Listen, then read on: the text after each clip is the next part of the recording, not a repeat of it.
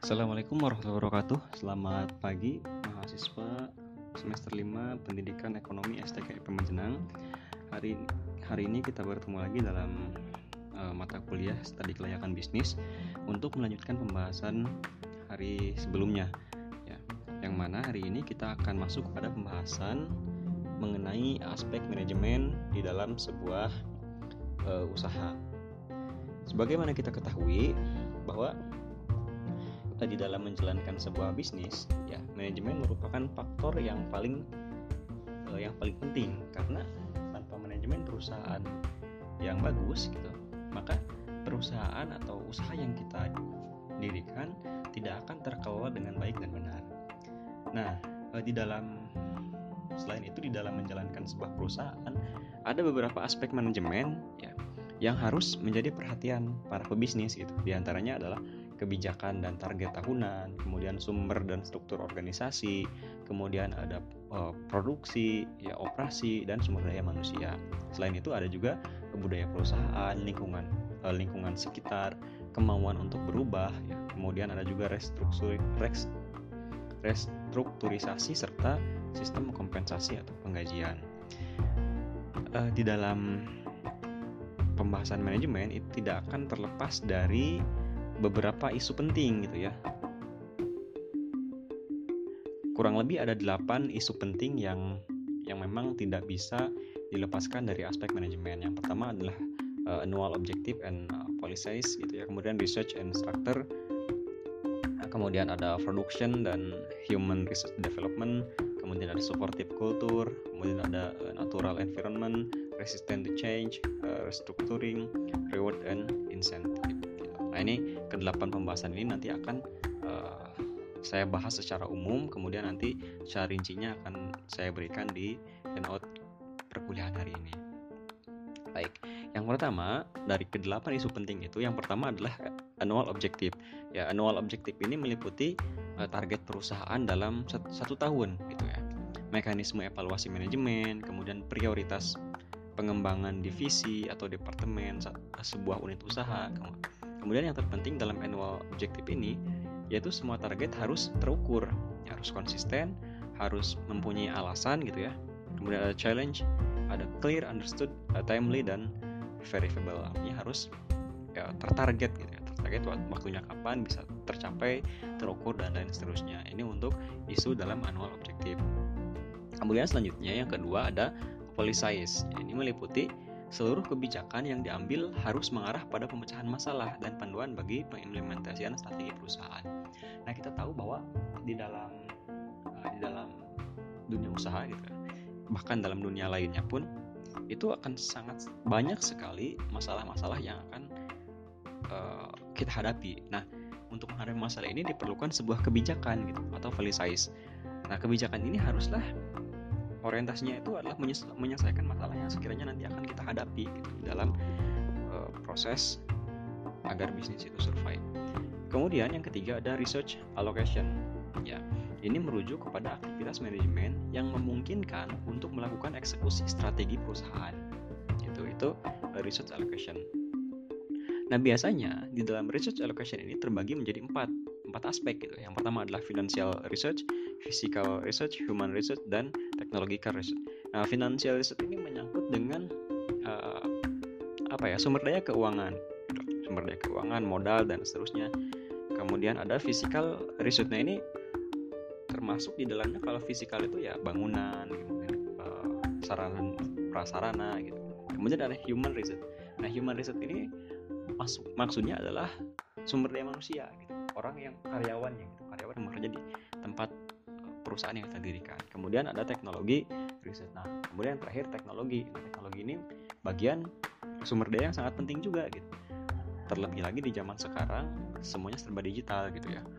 ya jadi keempat riset ini sangat penting gitu. Kemudian yang selanjutnya ada organisasi organisasional structure. Nah, berarti bagaimana ini merujuk pada bagaimana sebuah perusahaan membuat struktur perusahaan yang sesuai dengan strategi pengembangan usaha yang telah dibuat.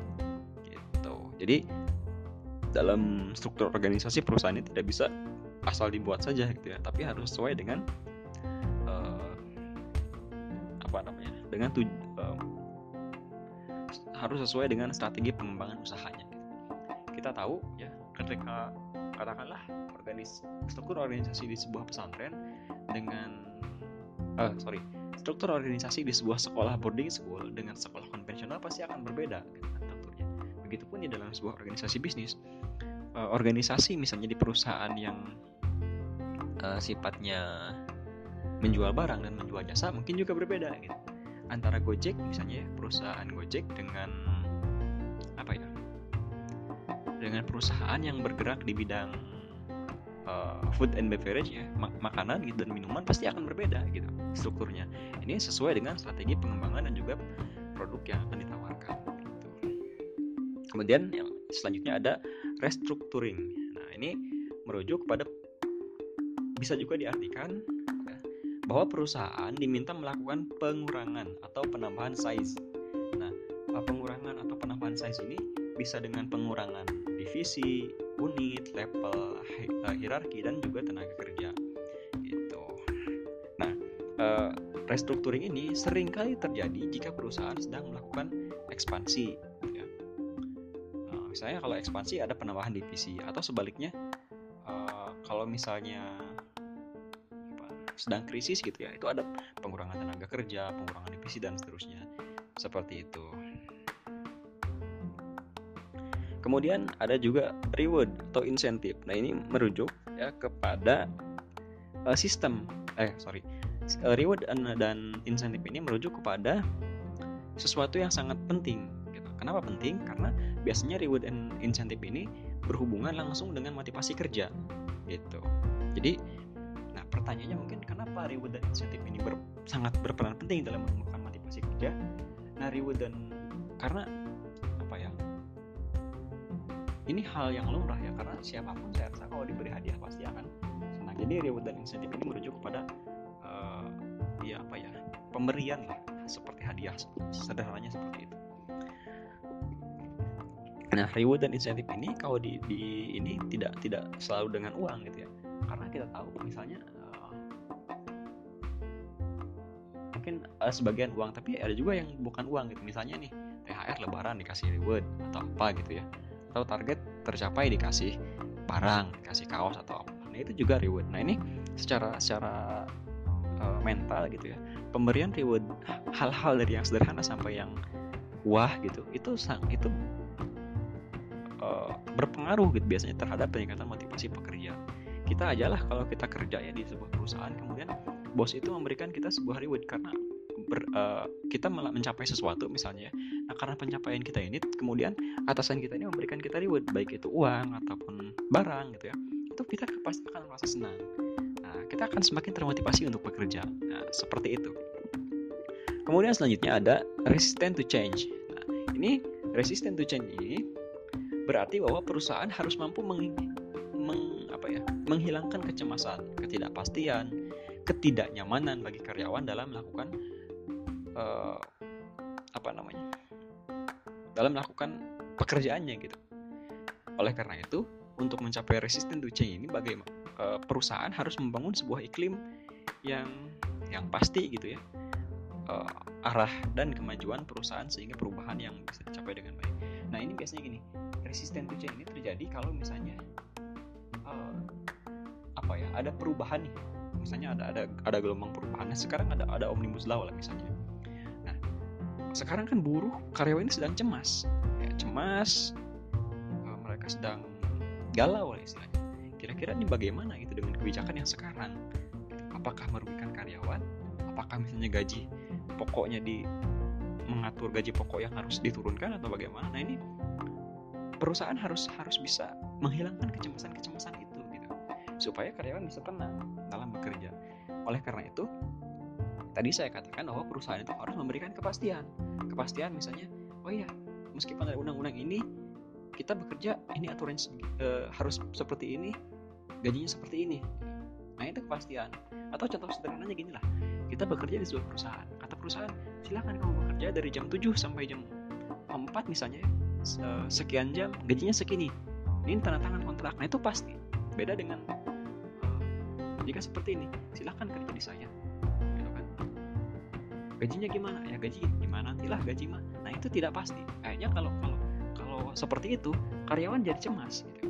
Jadi cemas jadi tidak tenang gitu tidak nyaman untuk bekerja. Karena tidak ada kepastian tentang salah satunya upah dan lain sebagainya. Kemudian yang yang selanjutnya ada uh, natural environment.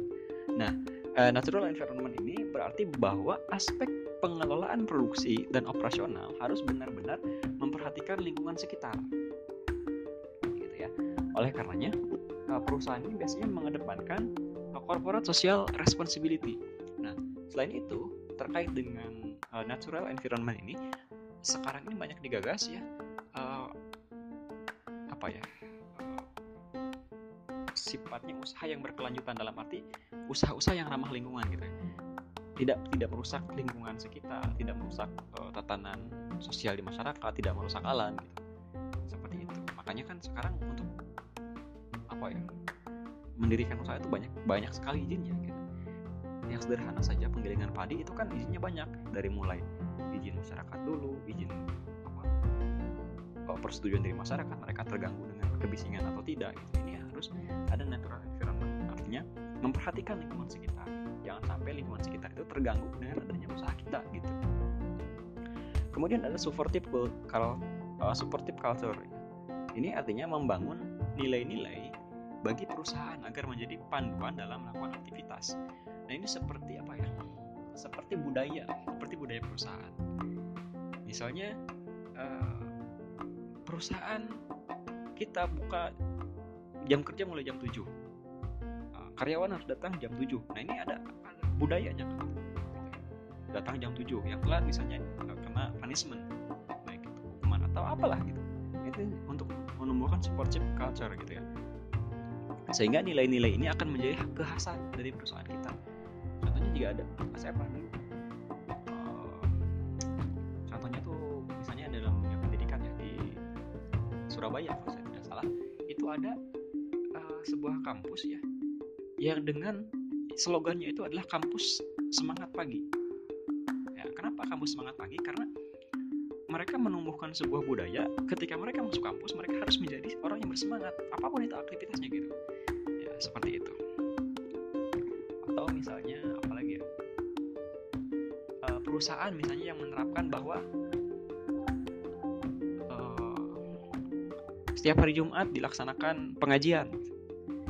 10 menit sebelum dan sesudah azan harus tutup untuk sholat gitu. Nah ini ini supportive culture ini. Ini untuk uh, membangun nilai-nilai perusahaan gitu agar menjadi panduan dalam melakukan aktivitas. Sehingga karyawan ketika masuk perusahaan sana sudah paham ketika bekerja di sana gitu. Oh saya kerja di sini. Uh, hari Jumat itu saya harus ikut pengajian. 10 se uh, 10 menit sebelum dan sesudah azan harus break. Harus berhenti melayani konsumen untuk sholat. Nah ini menjadi sebuah supportive culture gitu. Ya. sehingga itu juga bisa menjadi kekhasan jadi kalau disebutkan uh, tahu nggak perusahaan A? Oh iya perusahaan itu perusahaan A itu adalah perusahaan yang ketika hari Jumat ada pengajian 10 menit sebelum dan sesudah azan harus sudah standby di masjid. Nah, ini menjadi sebuah uh, culture yang baik gitu. Nah pertanyaannya mungkin lantas gimana baga lantas bagaimana caranya uh, membangun sebuah uh, apa ya corporate corporate value. Dalam arti bagaimana sih kita membangun sebuah nilai-nilai perusahaan? Nah, ada beberapa cara itu ya yang beberapa cara atau beberapa langkah gitu. Yang pertama bisa dengan pernyataan formal ya. Pernyataan formal dalam uh, bentuk piagam dan lain sebagainya. Nah ini pernyataan formal ini maksudnya adalah peraturan peraturan formal gitu ya. Panduan peraturan gitu peraturan tata tertib lah gitu kemudian ada juga mendesain ruang fisik. Nah, ruang fisik ya. ruang fisik ini bangunan. Nah kenapa kenapa harus mendesain ruang, ruang fisik? Karena biasanya ya kalau sekarang ya ruang fisik juga uh, bangunan itu menjadi sebuah apa ya uh, ciri khas mungkin ya. Coba lihat saja perusahaan-perusahaan yang zaman dulu dengan perusahaan yang sekarang kan beda-beda. Sekarang ruang ruang meetingnya aja udah udah nggak seformal dulu kalau dulu kan pakai oh, kursi meja panjang segala macam. Kalau sekarang kan tidak. Coba kalau kita uh, main-main ke perusahaan startup gitu ya. Seperti uh, kantornya Gojek segala macam. Itu ruang rapat sudah sangat santai sekali gitu. nah ini kan bagian dari menumbuhkan corporate uh, value gitu. Atau uh, menumbuhkan supportive culture yang tadi. Kemudian pemodelan peran. Pemodelan peran pengajaran dan pembinaan yang disengaja. Nah ini jadi untuk meningkatkan uh, corporate value itu biasanya ada uh, apa ya? Sebuah figur lah yang menjadi contoh gitu. Kemudian ada ada training training segala ada pelatihan pelatihan segala macam. Makanya ada di dalam Islam itu benar ya uh, harus memberikan pemimpin harus memberikan contoh yang baik. Nah, karena ini ternyata terkait dengan bagaimana kita menumbuhkan sportive uh, sportive culture atau menumbuhkan uh, corporate value. Contohnya PT KAI PT Kereta Api Indonesia sekitar tahun 2000 berapa gitu ya. Itu kan ketua uh, pet, direktur PT Komisa apa ya? Pokoknya pejabat pejabatnya itu adalah Ignatius Jonan. Yang sekarang jadi menteri apa gitu beliau. Nah itu coba coba lihat ke ke, ke stasiun itu. Kalau dulu pedagang kaki lima itu bisa masuk sampai peron. Ya, bahkan bisa masuk ke gerbong. Gitu. tapi karena uh, karena memang pemimpinnya bagus gitu ya tegas disiplin segala macam akhirnya kan sekarang hasilnya bagus. Sekarang tidak ada lagi pedagang yang masuk peron tidak ada lagi pedagang di kereta gitu ya. Sekarang lebih tertata dan lebih rapi. Nah ini kan uh, bagian dari ya pengelolaan peran ini tadi. Ada pengajaran gitu ada pembinaan yang disengaja dan seterusnya. Kemudian sistem penghargaan dan status eksplisit kriteria promosi ini, ini seperti yang tadi ya seperti uh, insentif gitu ya nah kemudian juga sistem dan prosedur organisasi. Nah ini sistem dan prosedur organisasi ini adalah ini seperti uh, apa ya kita bikin seperti tadi uh, pernyataan formal bikin aturan segala macam dan seterusnya. Nah, kemudian ada juga kriteria yang digunakan untuk rekrutmen seleksi promosi dan pensiun. Nah ini juga masuk menjadi cara untuk menumbuhkan corporate value. Karena perusahaan yang memiliki kriteria yang digunakan dalam rekrutmen biasanya mereka ini akan ketika merekrut karyawan ini mereka punya kriteria kriteria tertentu yang harus dipenuhi. Jadi nggak bisa sembarangan asal rekrut saja gitu. Ya, sehingga kalau asal rekrut kan orang seperti apa pun bisa masuk. Dan kalau orang seperti apa pun bisa masuk ini akan membahayakan bagi ekosistem perusahaan gitu. Sehingga corporate value-nya menjadi tidak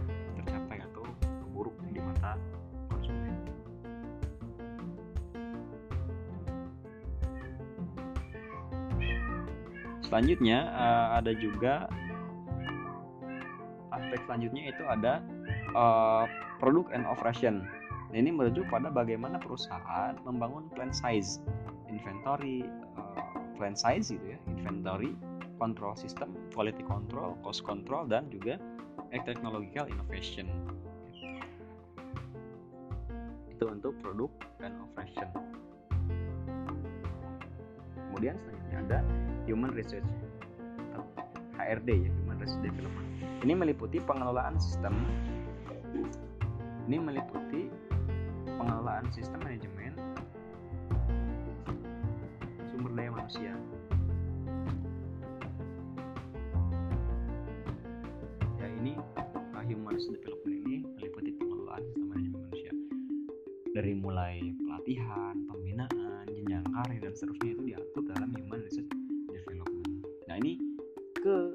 isu ini merupakan isu penting dalam manajemen. Ya.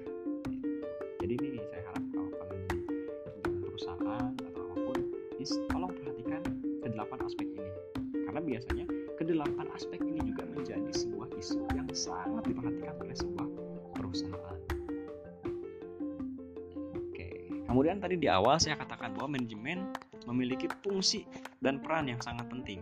Pertanyaannya mungkin adalah kenapa bisa penting banget gitu ya? Apa sih pentingnya manajemen? Apa fungsinya gitu? Fungsi manajemen sehingga manajemen dianggap kok, kok penting banget sih kayaknya gitu. Oke, gini.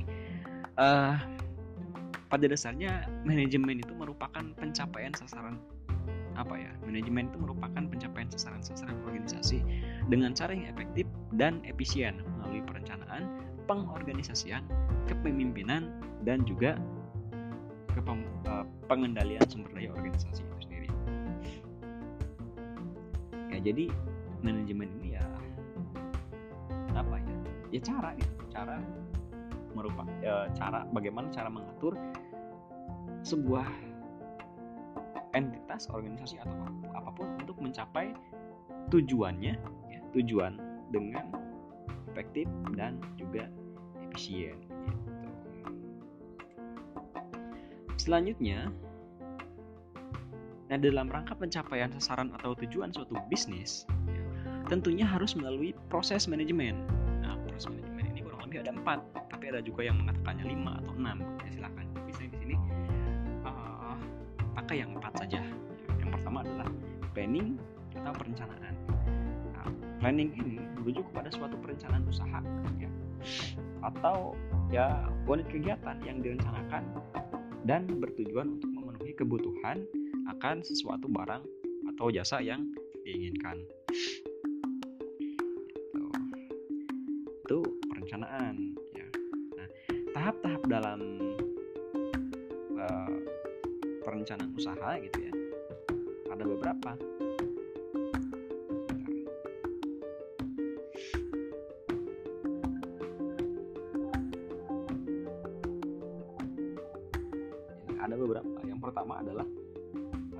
Konsep bisnis. Tahap yang pertama konsep bisnis. Ya, ini invest inventarisasi kebutuhan yang diperlukan dalam aktivitas bisnis dari mulai pemilihan cara, metode atau model yang efektif untuk pencapaian tujuan. Kemudian ada juga tahap yang kedua adalah perumusan konsep bisnis. Nah, ini bisnisnya mau bentuknya seperti apa? Apakah uh, apa ya? Apakah bentuk seperti perusahaan A atau perusahaan B dan seterusnya. Jadi ini konsep bisnisnya bagaimana gitu ya. Nah, yang kedua. Kemudian yang ketiga adalah oh sorry. Nah di dalam rumusan konsep bisnis ini uh, si owner ya atau si founder dari bisnis itu harus merumuskan tujuan usahanya bagaimana, cara atau metode yang hendak dipilih untuk melaksanakan usaha tersebut bagaimana gitu ya, dan seterusnya. Kemudian yang ketiga ada pemutusan atau pengesahan. Nah ini menyang menyangkut dengan apabila apabila perencanaan proyek usaha telah disahkan, berarti dapat diputuskan atau disahkan penggunaan sarana-sarana yang diperlukan termasuk di dalamnya pembiayaan. Kemudian yang keempat ada yang namanya persiapan. Nah, ini persiapan ini merujuk pada tahapan dari unsur-unsur pokok investasi yang dilaksanakan guna mencapai tujuan proyek usaha yang telah direncanakan dan disahkan. Kemudian yang kelima, ada pelaksanaan usaha. Ini maksudnya tahapan dari suatu usaha yang telah mulai menghasilkan barang dan atau jasa. Kemudian yang, yang kedua selain tadi uh, setelah fungsi planning itu yang kedua ada organizing. Nah, fungsi organizing ini adalah sebuah uh, fungsi yang kedua setelah adanya plan. Ya, setelah ada perencanaan bahwa di dalam fungsi organizing ini diatur bahwa dalam uh, dalam praktek organizing ini ditentukan tentang apa tuh apa tugas pekerjaan macam dan jenisnya apa saja. Kemudian unit-unit kerja yang dibentuknya apa saja gitu. Siapa aja yang mengerjakan yang melakukannya alatnya apa saja bagaimana pengaturan keuangan fasilitas dengan uh, kata lain setelah tujuan perusahaan telah ditentukan gitu. Bagaimana cara mencapai itu semua? Ini ada dalam aspek organizing biasanya perusahaan perlu merumuskan tindakan-tindakan yang akan dijalankan untuk mewujudkan berbagai tujuan tersebut. Gitu. Jadi ya sekali lagi saya ulangi bahwa setelah ada planning ya, yang kedua itu adalah organizing. Ya, organizing ini lebih kepada tadi salah satunya pembagian kerja jenis pekerjaannya siapa yang mengerjakan dan seterusnya. Itu uh, masuk dalam organizing secara umum kegiatan dalam organizing itu ada dua. Ya yang pertama adalah menentukan bentuk atau struktur organisasi perusahaan. Ini maksudnya bentuk atau struktur itu kan harus disesuaikan dengan kegiatan yang dijalankan dalam perusahaan. Seperti, seperti tadi saya contohkan e, antara Gojek mungkin dengan perusahaan yang sifatnya lebih ke konsumsi ya, ke barang bahan makanan dan uh, food and beverage gitu. Itu cenderung berbeda. Oleh sebab itu pemimpin perusahaan harus menentukan struktur organisasi yang terbaik untuk menjalankan kegiatannya ke arah pencapaian tujuan yang telah dan akan uh, dicapai gitu. Kemudian uh, kegiatan yang kedua adalah menentukan wewenang ini menentukan wewenang tugas dan tanggung jawab setiap orang yang bekerja di perusahaan.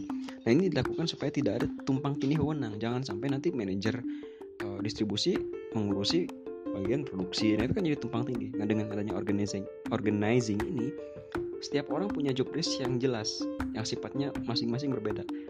Yang ini seperti ini yang ini begini yang itu seperti itu gitu. Jadi punya tugas dan wewenang yang berbeda-beda. Jadi jelas nanti kemudian uh, di sisi lain kita juga harus paham bahwa organisasi yang efektif ya sumber daya manusia dan sumber-sumber daya material menyebabkan meningkatnya produktivitas. Jadi, gimana caranya meningkatkan produktivitas? Ya, harus ada sinergi, ya sinergis, sinergi, sinergis, sinergisme, di mana anggota-anggota suatu perusahaan mengkombinasikan upaya mereka secara kolektif guna melaksanakan tugas-tugas yang akan melampaui jumlah dan, e, dari upaya individual mereka. Nah, dalam dalam organisasi itu kan sinergi yang produksi bagian produksi, yang pemasaran memasarkan barang setelah diproduksi, kemudian bagian distribusi mendistribusikan barangnya. Dan ini kan jadi sinergi. Coba kalau masing-masing kan tidak akan tercapai gitu kan. Yang satu produksi produksi terus tapi tidak dijual buat apa gitu.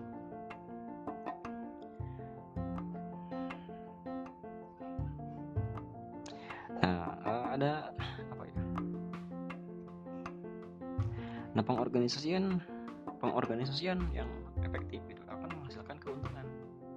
Ya, ya. Pengorganisasian yang efektif ini akan menghasilkan keuntungan. Kurang lebih ada lima keuntungan secara umum yang dapat dihasilkan oleh perusahaan apabila kita melaksanakan uh, pengorganisasian dengan baik. Yang pertama adalah kejelasan tentang ekspektasi-ekspektasi kinerja individu dan tugas-tugas yang akan terrealisasi. Nah kan kalau pengorganisasinya baik gitu kan. Yang pemasaran pemasarannya distribusinya distribusi yang produksi produksi kemudian di sinergi itu kan. Artinya tugas-tugas jadi terspesialisasi. Yang produksi tidak ngurus pemasaran yang distribusi tidak ngurus produksi gitu. jadi sudah dan dengan adanya spesialisasi ini maka kejelasan ekspektasinya jadi sangat jelas sekali pembagian kerja ini sudah sangat jelas sekali ya pembagian kerja kemudian terbentuknya suatu arus aktivitas kerja yang logikal logikalnya masuk akal. Gitu ya. Yang dapat dilaksanakan dengan baik oleh individu individu kelompok. Jadi ya kalau produksi produksi aja ngurusnya gitu. Jangan ngurus nyebrang ngurus pemasaran segala macam. Itu kan jadi tidak efektif sebetulnya. Kemudian yang keempat ada saluran komunikasi yang dapat membantu pengambilan keputusan dan pengawasan. Nah ini dengan adanya pengorganisasi dengan adanya pengorganisasian ini juga bisa membantu dalam proses komunikasi menjadi lebih efektif gitu. misalnya nih uh, kurang bahan berarti kita harus cari ke bagian uh, logistik misalnya. Ini pemasaran kurang uh, kurang bagus ya kita komunikasinya ke bagian pemasaran gitu. Itu karena ada nah dengan adanya pengorganisasian yang baik itu kan jadi lebih enak komunikasi. Coba kalau kalau tidak ada pengorganisasian semacam ini kan pemasaran kurang baik kita bingung apa? Komplainnya ke siapa gitu? Produknya banyak yang cacat. Nah kita bingung. Tapi kalau sudah ada pengorganisasian ketika misalnya ada produk yang cacat kita bisa langsung tanya oh ini yang bertanggung jawab di produksi adalah manajer produksi. Berarti komunikasinya harus langsung ke manajer produksi seperti itu. Kemudian keuntungan yang kelima adalah mekanisme mekanisme yang mengkoordinasi yang memungkinkan tercapainya harmoni antara para anggota organisasi yang terlibat dalam berbagai macam kegiatan. Nah, ini eh, keuntungan juga pengorganisasian ini maka koordinasi jadi lebih enak sehingga kalau koordinasinya lebih enak kan kesalahpahaman antar lini di sebuah uh, organisasi ini menjadi lebih apa ya, dapat diminimalisir ya, karena koordinasi jelas Nah, di dalam proses organisasi ini, prosesnya itu terdiri dari lima. Yang pertama, melaksanakan refleksi ya, tentang rencana-rencana sasaran. Jadi kita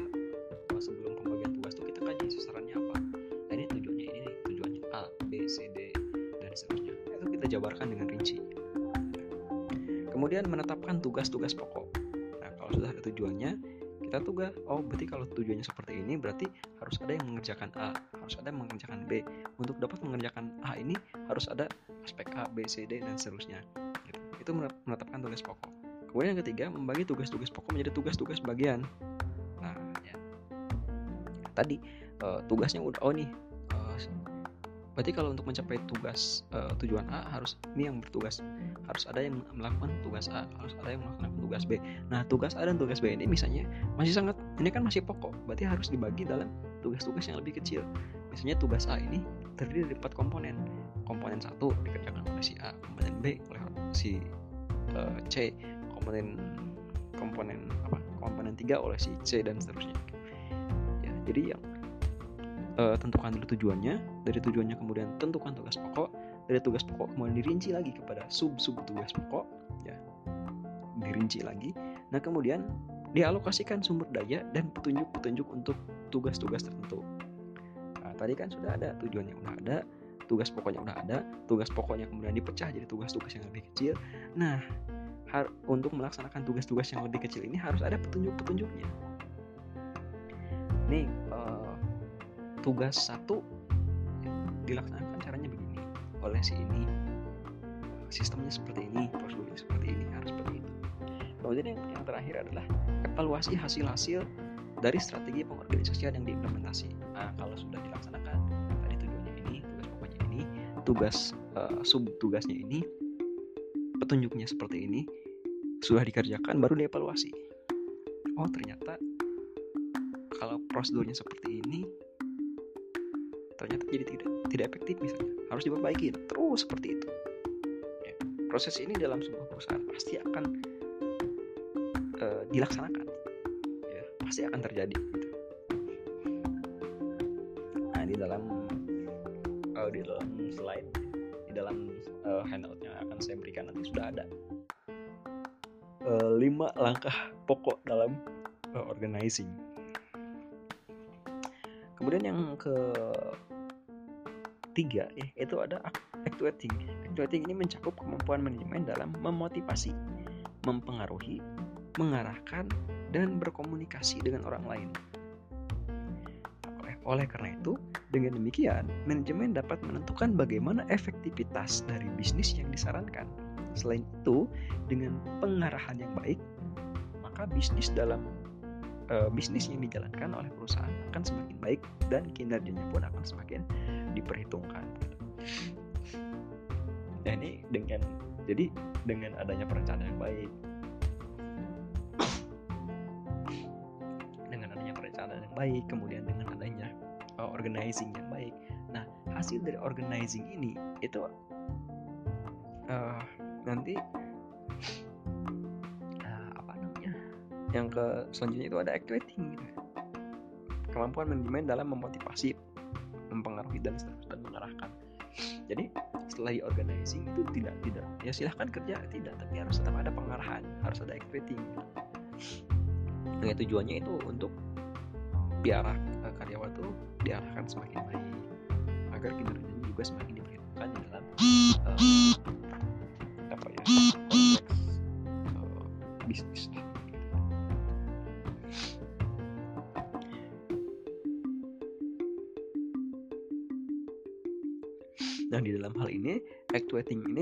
merupakan salah satu dari aspek manajemen yang akan dinilai. Untuk itu, diper, diper, uh, diperlukan perhatian terhadap strategi manajemen dalam menjalankan actuating itu sendiri untuk mencapai sasaran bisnis. Ya, ini juga ini juga tidak kalah penting, gitu ya. Nah, kemudian yang terakhir itu ada controlling atau pengendalian. Pengendalian ini sangat penting agar kita dapat mengetahui cara mengendalikan bisnis kita ke arah yang benar dan jelas serta cara untuk mempertahankan bisnis kita tetap bertahan di dalam persaingan uh, dalam dunia nyata gitu ya. Aktivitas pengendalian ini meliputi kisaran kebijakan yang yang luas dan dan uh, prosedur informasi yang berhubungan yang membantu manajemen yang membantu menjamin dalam uh, pengarahan manajemen gitu. Selain itu, aktivitas pengendalian ini aktivitas controlling atau pengendalian ini akan membantu uh, membantu menjamin bahwa tindakan-tindakan yang diidentifikasi sebagai tindakan yang perlu untuk menangani risiko untuk mencapai tujuan supaya terlaksana.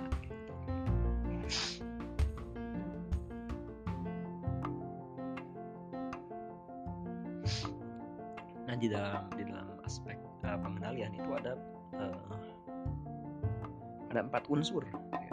Pertama adalah struktur organisasi. Nah ini uh, apa ya? Unsur ini memisahkan tanggung jawab fungsional secara tugas dan jelas antara fungsi otorisasi, penyimpangan penyimpangan aktiva, pencatatan dan organisasi perusahaan. Jadi ini ya apa ya sebenarnya keempat unsur ini biar lebih mudah saja dikontrol gitu. Jadi yang pertama tuh ya diatur dari Kemudian dari sistem otorisasi dan prosedur pencatatan. Kemudian dari praktik yang uh, praktik apa namanya praktik organisasi sehat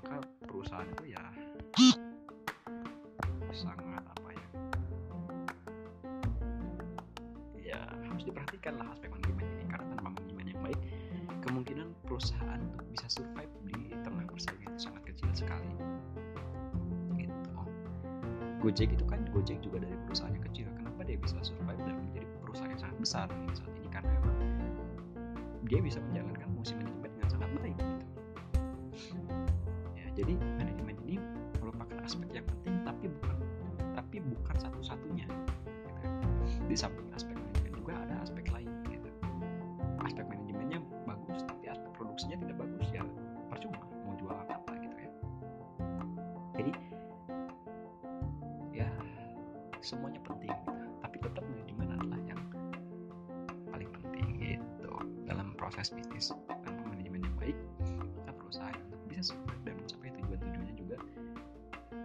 tidak bisa dijamin